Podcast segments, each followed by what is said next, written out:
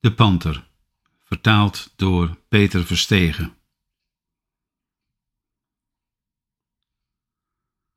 Zijn blik is van het langsgaan van de stangen zo moe geworden dat hij niets meer ziet.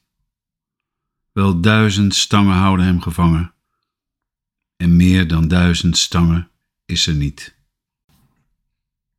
De zachtheid van zijn lenig sterke pas die steeds de allerkleinste kring beschrijft, is als een dans van kracht rondom een as, waarin een machtig willen is verstijfd. Niet vaak meer trekt het scherm voor zijn pupillen geluidloos op. Dan gaat een beeld erdoor naar binnen, glijdt door het van spanning stille lijf naar zijn hart en gaat teloor.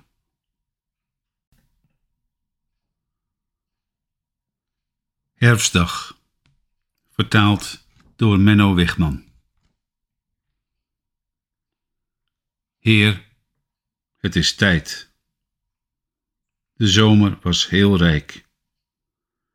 Leg nu uw schaduw op de zonnewijzers en laat de winden op de velden vrij.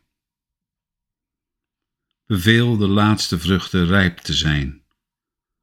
Verleen ze nog twee zuidelijke dagen bereid ze tot volkomenheid en jaag, een laatste zoetheid in de zware wijn.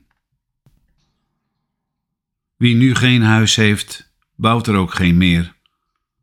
Wie nu alleen is, zal het nog lang blijven, zal waken, lezen, lange brieven schrijven en rusteloos door lege lanen dwalen, wanneer de bladeren op de herfstwind drijven.